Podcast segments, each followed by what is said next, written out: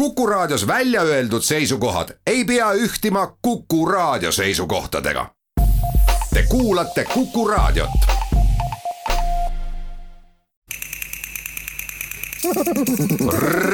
reisirada. Vivere non necesse est, nii ütleb naine, kes kõige parema meelega siia maailma ei oleks tulnud. parem alternatiiv olevat üldse maailmas mitteolemine. siin saatejuht Tea Karin, tervitan teid saatesse Reisirada. räägime naisest, kes kahe tuhande kahekümne esimesel aastal saaks saja aastaseks. kõigepealt räägime professor doktor Marko Bajevitšiga kirjaniku elust ja kohvikutest Viinis, tema keelest ja keskkonnast Marko Bajevitš on täna Tartu humanitaarteaduste ja kunstide valdkonna maailma keelte ja kultuuride kolledži germanistika professor, kes Ilse Eichingeri põneva keelekasutuse ja loomingu vastu hakkas huvi tundma peale üht kirjanikule pühendatud konverentsi. tema olulisim aeg oli peale teist maailmasõda. Ilse Eichinger sündis tuhande üheksasaja kahekümne esimesel aastal ja kahe tuhande kuueteistkümnendal lahkus ta üheksakümne viie aasta vanusena. ta on Paul Celani ja Ingeborg Bachmanni kõrval üks tähtsamatest saksakeelsetest sõjajärgsetest autoritest talle on omistatud terve rida auhindu, mis näitab, kui tähtis tema looming oli ka siis, kui ta kogu aeg ei kirjutanud. Walter Jens zum Beispiel, einer der bedeutendsten Germanisten, hat im Jahre 1960 von ihrem ersten Roman gesagt, ähm, das ist das, die einzige äh, Reaktion auf die jüngste Vergangenheit von hohem Rang sei. Und dieser erste Roman, Die größere Hoffnung, ist eben ein herausragendes Literaturdokument eben in jener Zeit gewesen. Und Hans Weigel, der so ein bisschen der österreichische Literaturpapst jener Zeit war, ähm, der hat zu ihr gesagt äh, oder von ihr gesagt, dass die österreichische Literatur nach 1945 eigentlich erst mit Ilse Eichinger wieder begann.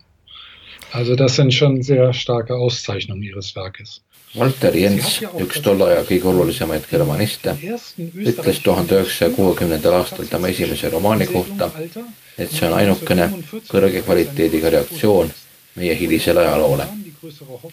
tema romaani Die größere Hoffnung, suurem lootus, nimetas ta selle aja kirjanduslikuks dokumendiks ning Hans Weigel, keda kutsuti ka Austria kirjanduspaavstiks, ütles tema kohta et Austria kirjandus algas õigupoolest uuesti Ilse Eichingeri loomingust. Need on väga kõrged hinnangud. tema oli tõepoolest ka see, kes kirjutas esimesena Austria teksti kontsentratsioonilaagritest, tehes seda noores eas juba tuhande üheksasaja neljakümne viiendal aastal lühikese proosatekstina ning tema esimene romaan, mis ilmus tuhat üheksasada nelikümmend kaheksa, on esimene Austria romaan, mille teemaks on juutide vastane genotsiid natsionaalsotsialistlikul ajastul. sellega on ta ära teeninud oma tähelepanuväärse koha saksakeelses kirjanduses. Ilse Eichingeri looming on aga palju laiem kui üks ajajärk. see on, kuidas käia ümber keelekasutuse, allasurumise, tolerantsiga. tuleb olla teadlik ja see on tema loomingus olulisel kohal, just keeleteadlikkuses Für Ilse Eichinger war es so, dass sie fast persönlich angegriffen wurde, wenn Worte gedankenlos verwendet wurden. Darum ging es ihr eigentlich hauptsächlich. Ja. Ähm, damals zu jener Zeit gab es ja tatsächlich böse Worte. Ja. Es gab ein sehr wichtiges Werk von ähm, Dolf Sternberger zum Beispiel, das Wörterbuch ähm, der Unmenschen. Ja, und die haben dann die, die nationalsozialistische Sprache ähm, analysiert und äh, versucht wie, zu untersuchen, wie Sprache missbraucht wurde. Und Ilse Eichinger sieht eben so, dass sie Seichinger hat eine große Befriedigung, wenn sie glaubt, einen richtigen Satz, ein richtiges Wort gefunden zu haben. Sie war in dieser Form Wortsammlerin. Aber wenn jemand ein Wort falsch, unbedacht, ungut verwendet hatte, dann konnte sie das verrückt machen. Das konnte sie überhaupt nicht ertragen. Ja, also ähm, solche Elemente gab es da. Ilse Eichinger tundis, et see on justkui rünnak tema isikule, kui sõnu mõtlematult kasutati. tollal olid olemas ka niinimetatud kurjad sõnad oli tähtis raamat, mille autor oli Dolf Sternberger, Wörterbuch der Unmenschen ehk ebainimeste sõnaraamat. selles analüüsiti natsionaalsotsialistide keelekasutust kuidas keelt väärkasutati. Ilse Eichingeri jaoks oli suur rahuldus leida õige sõna, õige lause. ta oli sõnade koguja. kui keegi midagi valesti kasutas, mõtlematult tegi, siis tegi seda ta lausa hulluks, sest ta ei suutnud seda taluda. keele roll ja refleksioon oli tema loomingus alati kesksel kohal ja siingi on tegemist jällegi suure Austria traditsiooniga. kui me mõtleme Hugo von Hofmannsthali või Ludwig Wittgensteini, Austria filosoofi peale, siis kirjutab ennast Eichinger sellesse tähtsasse traditsiooni sisse. ja Hofmannsthalil on lausa lause, sõnad lahustuvad nagu hallitanud seened see tähendab ülekantult, et kõik vajub koost, ei saa millelegi toetuda, see tähendab, et sõnadega tuleb ettevaatlikult ümber käia ning selle kõrval on oluline veel üks termin, kontern, vastu rääkima ning professor Bajevitš illustreerib seda tsitaadiga, mis on kesksel kohal Ilsa Eichingeri loomingus. Und da gebe ich Ihnen auch ein schönes Zitat, das ich für entscheidend halte für Ihr, Wert, für Ihr Werk. Sie schrieb, Sprache ist, wo sie da ist, für mich das Engagement selbst, weil sie kontern muss, die bestehende Sprache kontern muss, die etablierte Sprache, weil sie fort muss aus dem Rezept der Wahrheit in die Wahrheit. weil sie das Gegenteil von Etabliertheit sein muss, aus sich selbst. ta kirjutas, et kui keel, mis olemas on, on juba innustatus ise, sest ta peab vastama olemasolevale keelele, välja kujunenud keelele, siis peab ta väljuma ettekirjutatud tõest tegeliku tõe sisse. ta peab olema vastand välja kujunenud keelele, võtma kokku ettekujutuse kõik see, mis on kinni jooksnud, tema jaoks enam ei toimi. talle on oluline teadlikkus. tuleb kultiveerida teadlikkust. see tuleb välja ka unenägudest. ta ütleb ühes intervjuus, et unenäod võivad olla tõesemad kui tõde ise. unenäod on suuremad kui tegelikkus, suuremad kui tegelikkus suutis tollal ja täna anda. tegelikkus ei suuda midagi teha ilma vastuandmiseta. ta tuleb teile vastu ainult siis, kui talle vastu hakata kui teda ei tunnustata, kui temaga ei kohaneta, siis ta on suuteline andma. tegelikkus on see, kui ei kohaneta, kui hakatakse vastu. see mittekohandumine, mittesobitumine, see on Ilsa Eichingeri loomingus oluline. Küsimuste püstitamine ja vanemas eas nägi ta väga ilus välja, kuigi ta elu ei olnud kindlasti mitte lihtne. Ihr Vater war ein Lehrer, ihre Mutter war Ärztin, aber eben eine jüdische Ärztin, ähm, was natürlich dann ihren Lebensweg entscheidend prägte. Übrigens war es auch so, dass die Eltern sich bereits ähm, getrennt haben, als Ilse Eichinger und ihre Zwillingsschwester Helga erst sechs Jahre alt waren. Das war zu jener Zeit natürlich auch ein soziales Stigma. Es war also gar nicht einfach. Eine soziale Isolation folgte daraus. Und das wurde dann natürlich ähm, mit dem Faschismus, mit dem Austrofaschismus zunächst und dann natürlich mit dem Einmarsch der Nazis viel extremer. Sie war als Halbjüdin natürlich äh, gesellschaftlich verfemt und hatte auf die Art und Weise eine sehr harte Kindheit und Jugend. tema isa oli õpetaja, ema arst, aga juudi päritolu arst. tema vanemad lahutasid siis, Ilse ja tema kaksikõde Helga olid kuueaastased. tol ajal oli see sotsiaalne stigma, millele järgnes sotsiaalne isolatsioon. Järgnes austrofašism natside sissemarssimisega. pooljuudina oldi ühiskonnas põlatud, seega olid tema lapsepõlv ja noorus väga rasked. elu pooljuudina ei olnud küll ohus, aga pikantne oli see, et tuba, kus ema ilmselt peidus hoidis oli otseviini Gestapo peakorteri vastas. see kõik on jätnud talle jälje ja isegi kui ta kena välja näeb, oli ta siiski väga negatiivse hoiakuga. Sie sagte selber, man überlebt nicht alles, was man überlebt. ja nii on ta öelnud et millegi üleelamise juures ei ela sa seda tegelikult päriselt üle. see skeptilisus elu suhtes mõjutas teda terve elu. sõja lõpus õppis ta meditsiini ja pühendus siis aga kirjandusele. abikaasa Günter Reich oli samuti suur kirjanik ning ka pojast Clemensist sai kirjanik kõige olulisemad aastad möödusid Ilse Eichingeril Viinis, kuigi ta tuhande üheksasaja kaheksakümnendatel aastatel elas Saksamaal Frankfurdis, siis Frankfurt ei olnud tema linn rahalõhn, kõikjal valitsev finantskapitalistlik steriilsus, ütles ta, ei sobinud talle. vaatamata kõigele, mis temaga selles linnas juhtunud on, Viinita ei suutnud Ilse Eichinger elada. Die Wiener Tradition ist ja äh, weltweit berühmt, vor allem die Kaffeehaustradition. Ja, also sie war, gehörte auch zu diesen Schriftstellern, die ähm, ganz regelmäßig eben die Kaffeehäuser besuchten. Ihr Literatencafé war das Café Demel, wo sie mehr oder weniger täglich eben ähm, verkehrte. Ähm, die Kaffeehauskultur ist ja so, dass das quasi Büros waren und intellektuelle Treffpunkte. Ja, dort hat man sich äh, ausgetauscht, dort hat man Geschäftsbesprechungen gemacht und ja, Ilse Eichinger hat diese Tradition auch aufrechterhalten. Viini traditsioon eriti kohvikute kultuur on maailmakuulus temagi kuulus nende kirjanike hulka, kes käisid regulaarselt kohvikutes. näiteks kirjanike kohvikus Deemelis viibis ta peaaegu iga päev. kultuuri jaoks olid kohvikud samas ka bürooks. seal kohtusid intellektuaalid, toimusid ärikohtumised. seda traditsiooni jätkas ka Ilse Aihinger. reisirada ma leidsin väga toreda loo, mis on seotud Imperiali kohvikuga. nimelt kirjutas Aihinger kohvikus ja tal oli parajasti köha. ta lippas vastas asuvasse apteeki, aga kell oli just nii palju, et apteegid hakkasid uksi kinni panema.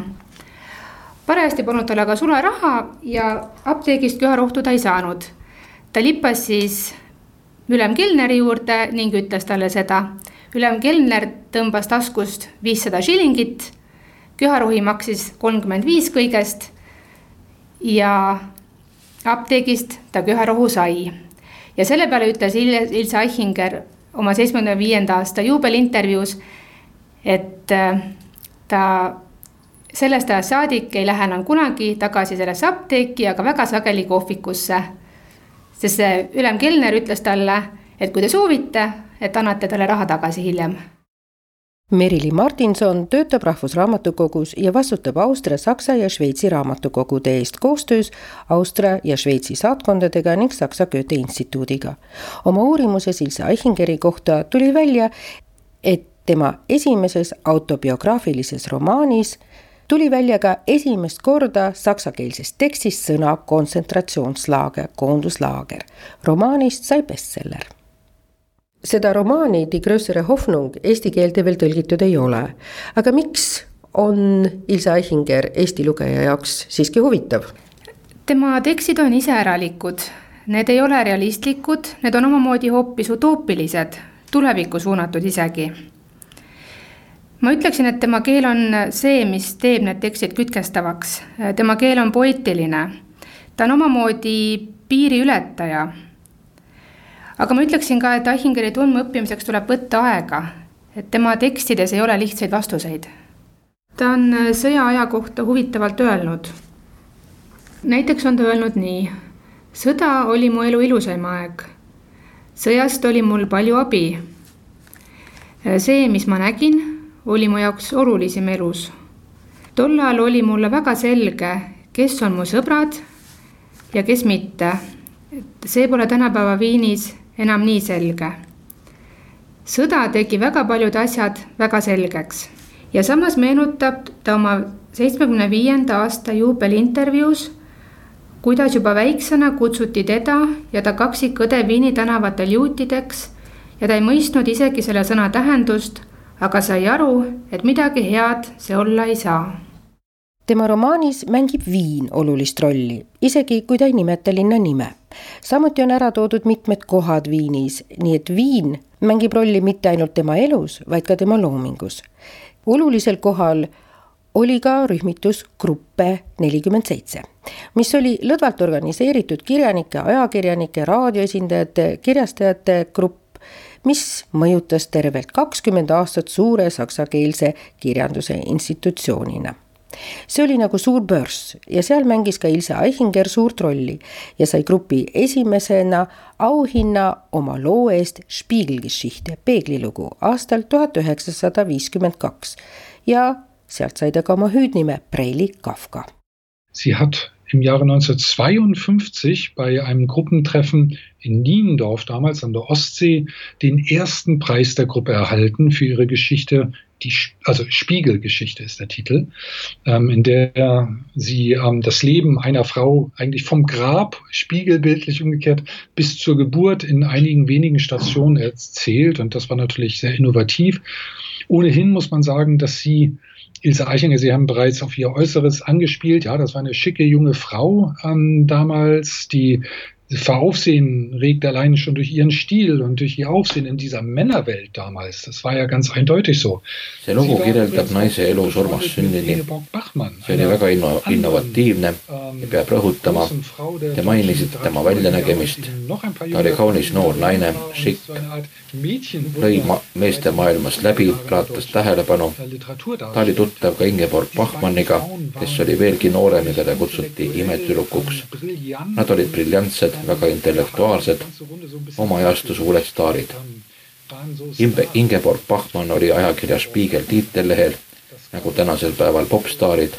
Nemad panid tõesti midagi liikuma, mis just naisi puudutas sõja järel käibele tulnud varemikirjandus, lageraie, need metafoorid näitasid, et tekkinud olid uusalguse paatos ja ülesehituse optimism. milline oli siis tollane õhkkond? Es herrschte ja damals Äh, der Wunsch nach einem neuen Aufbruch. Ja, es gab diese Vorstellung der Stunde Null.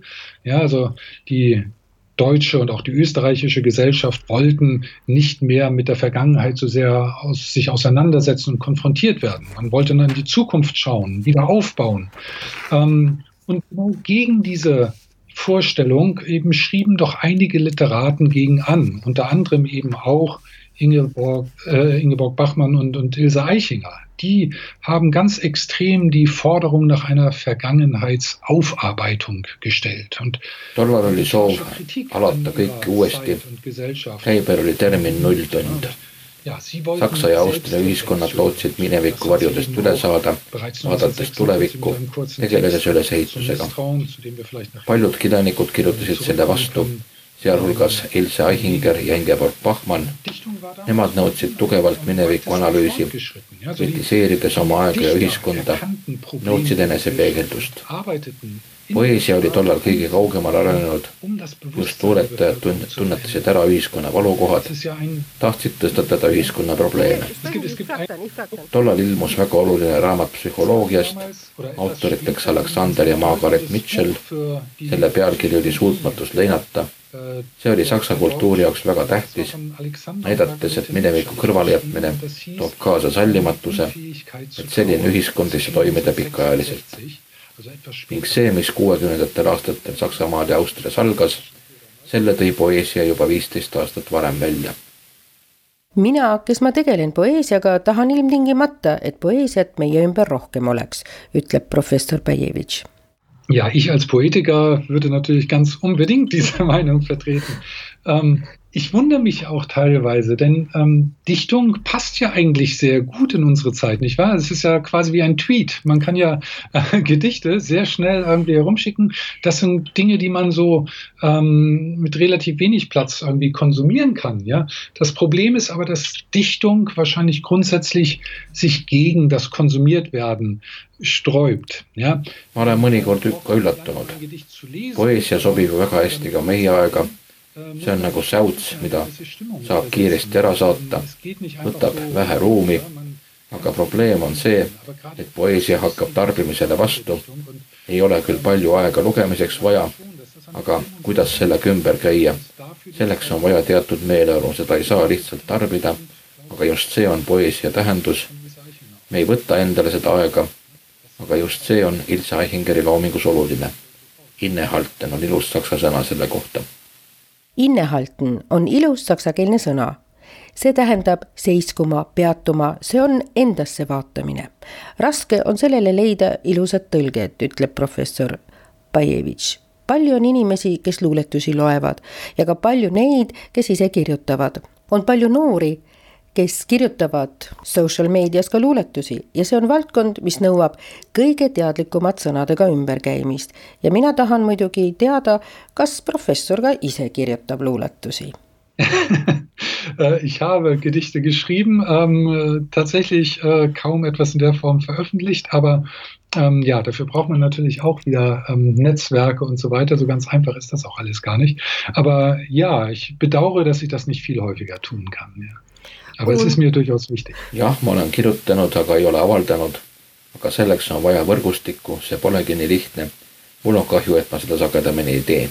ning ta vastab, et nii mõnigi luuletus tema sulest on olemas, aga siiski sahtlis, sest lihtne ei ole neid ka avaldada.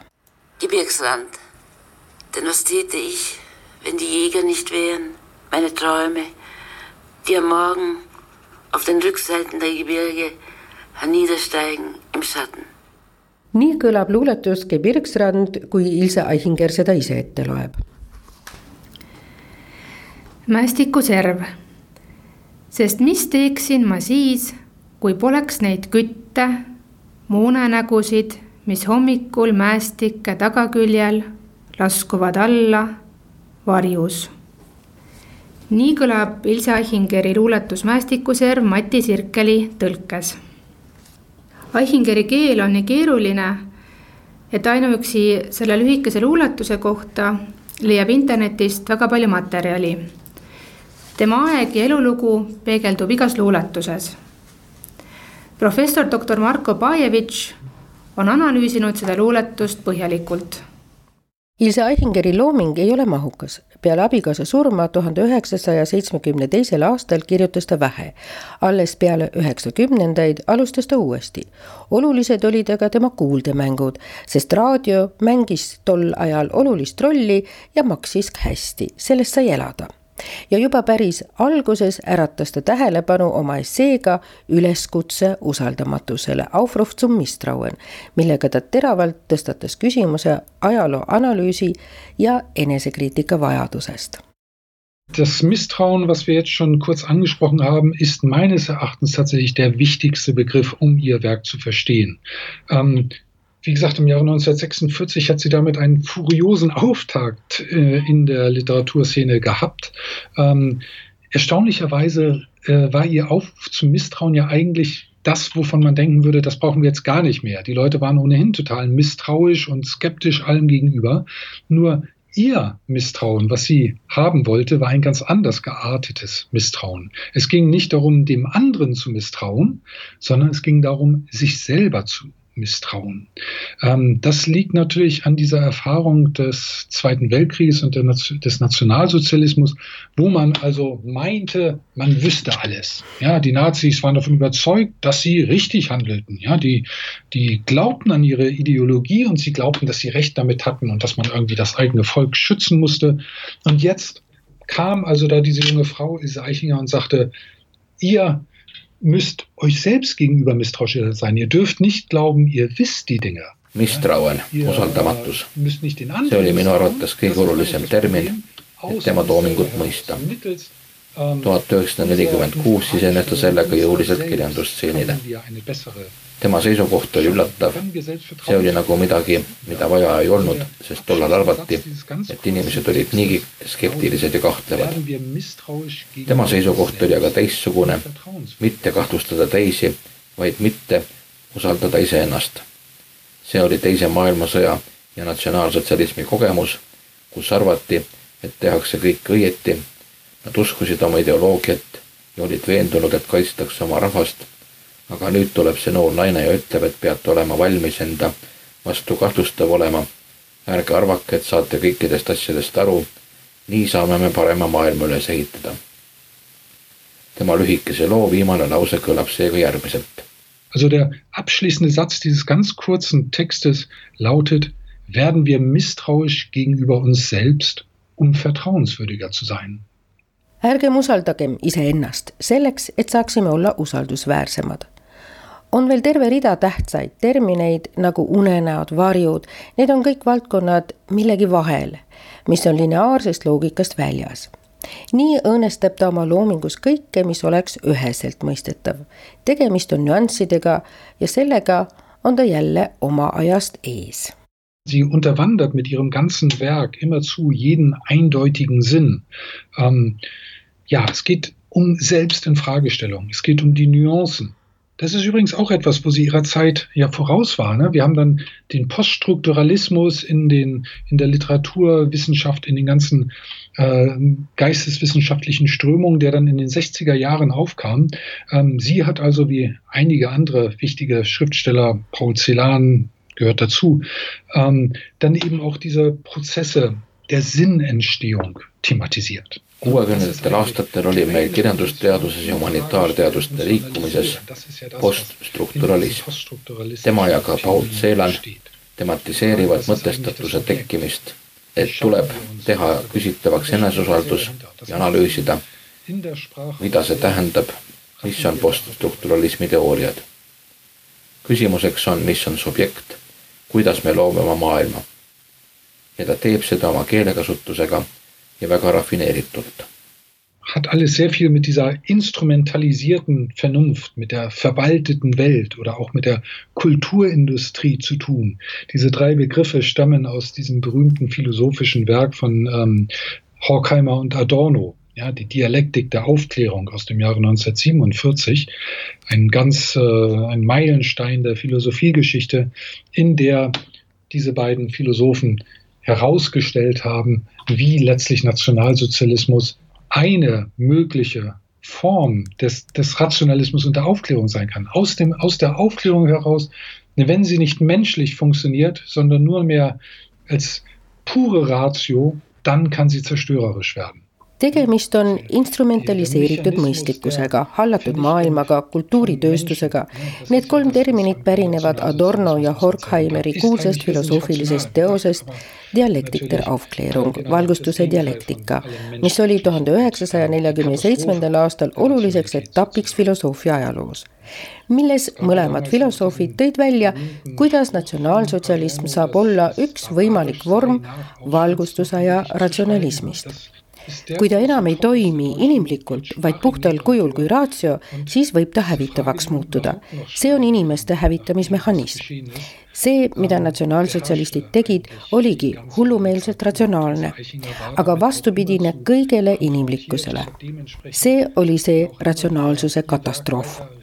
tollal oli tuntud ka Adorno ütlus, et on barbaarne peale Auschwitzi kirjutada luuletusi ja see on saksakeelse kirjanduse suur toopos ja küsimus, kuidas saab üldse veel kirjutamist jätkata peale seda, mis juhtus. see mõjutas tervet kirjandust ja Ilse Eichinger redutseeris ka oma loomingut ning pikendas oma kirjutuskarskuse aegu. ta soovis mõtlemist seisatada. tema abikaasa ütles ühes kuuldemängus tuntuks saanud lause, olge liiv, mitte õli maailmarataste vahel selle tähendus on, et tehke paus, mõelge, vaadake, kus te seisate, mida esindate. oma romaanis tuleb Ilse Eichinger oma läbielatu kogemuste juurde tagasi, seal on tema alter ego, noor tüdruk Ellen. ta võetakse kinni põgenemisel ja teda kuulab üle militaarpolitsei.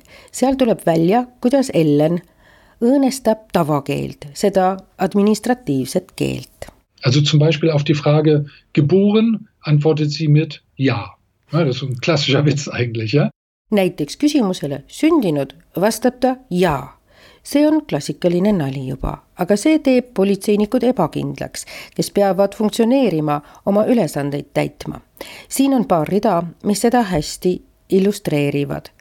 küsitlus, kus sa oled kodus, ütleb politseinik seal, kus elasin, ei olnud ma kunagi kodus. kus sa siis kodus oled? Seal, kus teie kodus olete, vastab Ellen. aga kus me siis kodus oleme, karjub politseinik nüüd. nüüd küsite õieti, vastab Ellen vaikselt. Ich lese mal kurz diese fünf Zeilen vor. Wo bist du zu Hause? sagte ein dicker Polizist und beugte sich zu ihr hinab. Wo ich gewohnt habe, sagte Ellen, war ich noch nie zu Hause. Wo bist du dann zu Hause? wiederholte der Polizist. Wo Sie zu Hause sind, sagte Ellen. Aber wo sind wir zu Hause? schrie der Oberst außer sich. Sie fragen jetzt richtig, sagte Ellen leise. Need viis rida illustreerivad hästi, mis on inimlikuks olemine. mis on inimlikkus üldse. ta muudab funktsionaalse filosoofiliseks eksistentsiaalseks ja vastavalt sellele toob Oberst etteheite, et Ellen saboteerib küsimusi, teeb soovimatuid ütlusi ja Ellen vastab sellele lihtsalt jaa. Ja see ongi kogu Ilse Eichingeri kirjanduslik programm, ütleb professor Bajevitš. Ellen ähm, reagiert darauf ganz schlicht mit Ja. Denn das ist genau das, was sie tut und das ist auch genau das literarische Programm von Ilse Eichinger.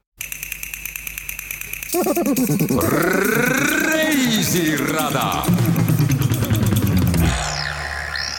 Ilse Aihingerile tehti etteheiteid ka tema keerulise kirjutusviisi osas. see puudutab viiekümnendatel aastatel esile kerkinud hermeetikat. Ilse Aihingerile heideti ette, et see on keeruline, mittemõistetav, aga just see keeruline viis kirjutada oli vastupidine hermeetikale. see avas võimaluse lugejale dialoogi siseneda sellesse veel mitte valmis sõnade plokki.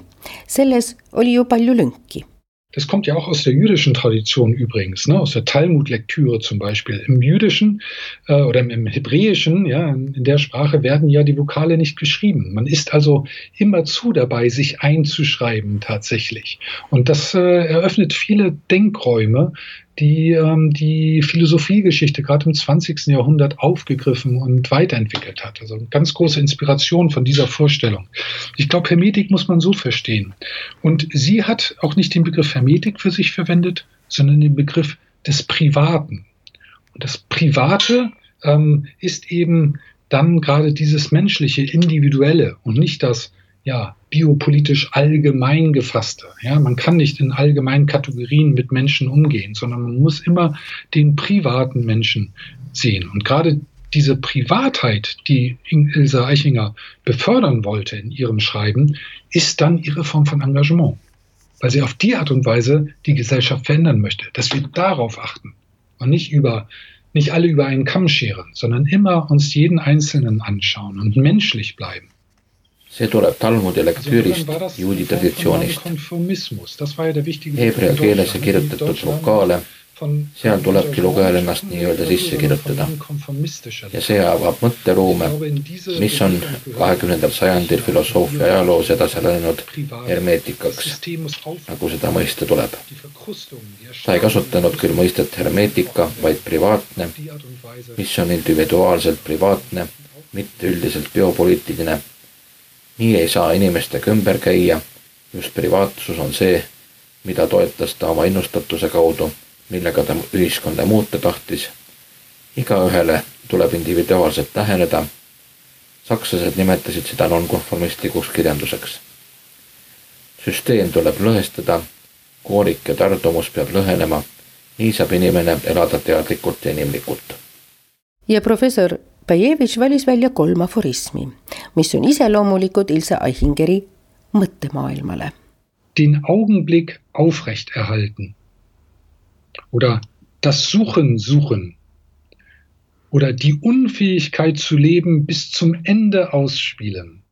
hoida pikemalt silmapilku või otsida otsimist või nautida lõpuni oskamatult elada Need on paradoksaalsed formuleeringud, aforismid, mis toovad esile just need vahetoonid, mida lineaarne loogika ei võimalda. sellega avaneb võimalus mõtlemisele.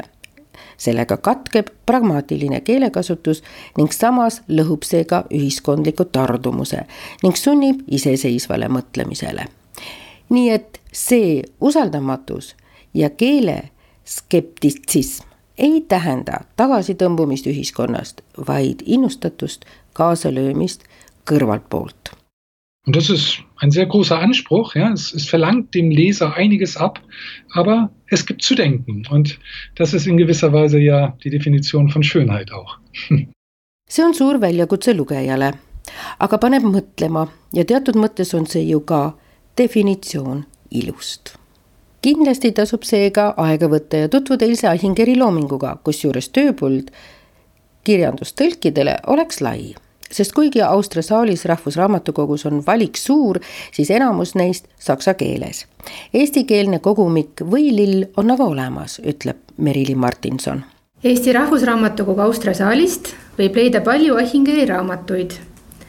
tema sünnipäevakuul novembris teeme ülevaatliku väljapaneku tema loomingust Ilse Aihingeri tähendus saksakeelse kirjanduse jaoks on ülisuur mitme meessuskirjaniku kõrval on tema esimene naiskirjanik, kes kahe tuhande viieteistkümnendal aastal üheksakümne nelja aastasena pälvis Salzburgi liidumaa viieteist tuhande euroga doteeritud kunstiauhinna, mille puhul toodi esile tema radikaalselt ajatu stiililoov looming ja tema kriitiliselt humaanne eluhoiak.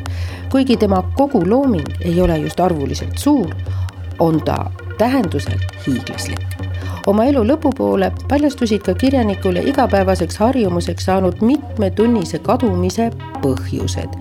ja koht, kui ta istunud kohvikus, siis oli ta nimelt kinos. temast oli saanud kirglik kinokülastaja, filmisõltlane.